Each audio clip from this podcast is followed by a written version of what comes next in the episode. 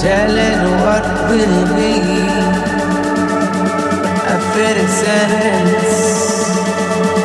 I'll let you